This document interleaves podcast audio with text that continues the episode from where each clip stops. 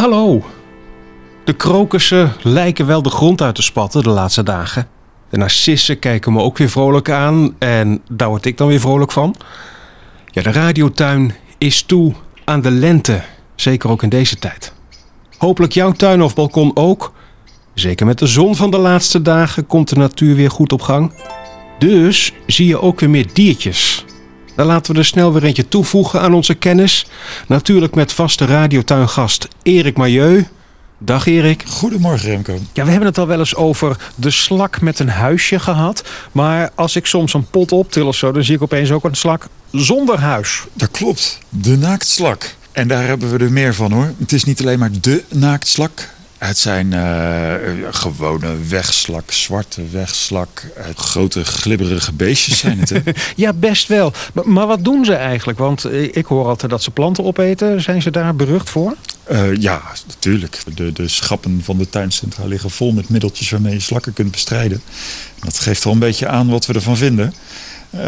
want ze hebben het inderdaad vaak gemunt op onze tuinplanten.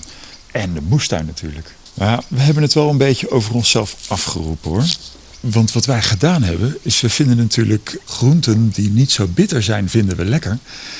En daar houdt de slak ook heel veel van. Dus door onze veredelingen en mooie sappige slaasoorten te telen, ja, hebben we eigenlijk een fantastisch dieet gecreëerd waar die slak ook van profiteert. Misschien een gekke vraag, Erik, maar wat is een naaktslak eigenlijk? Wat doet hij? Nou, een naaktslak is een, weekdier. Het is een van de enige weekdieren die op land leeft, want de rest zit gewoon onder water.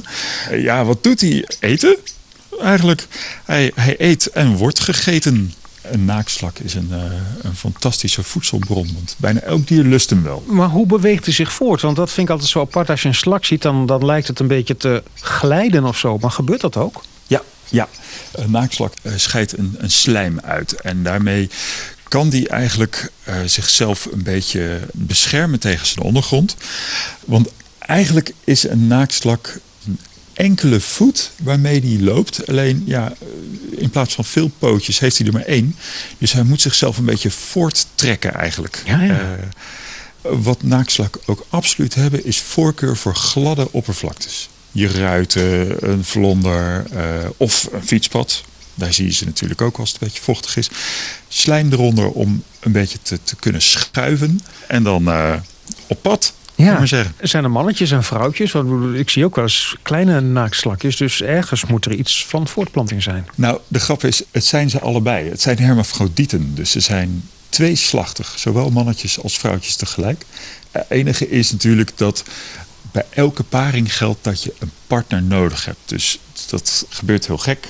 Twee mannetjes, vrouwtjes naakslakken moeten elkaar ontmoeten. En dan bevruchten ze elkaar. Mm. Waarna ze allebei hun eigen weg gaan en na een week of twee, drie eitjes gaan leggen. Fascinerend. Ik ga straks nog eens even kijken in de radiotuin. We weten weer meer over de naaktslak in dit geval. Erik Majeu, dankjewel. En wij spreken elkaar volgende week weer. Tot dan hè. Helemaal goed. Graag gedaan. Tot volgende week. De naaktslak. Zonder huisje dus. Eigenlijk is die altijd dakloos. Afijn. Volgende week weer een nieuw bezoek aan de radiotuin. Met weer een nieuw verhaal door Erik. En wil je meer weten? Kijk op radiotuin.nl. Daar kun je de podcast ook delen en dan kun je natuurlijk ook reageren. Tot volgende week.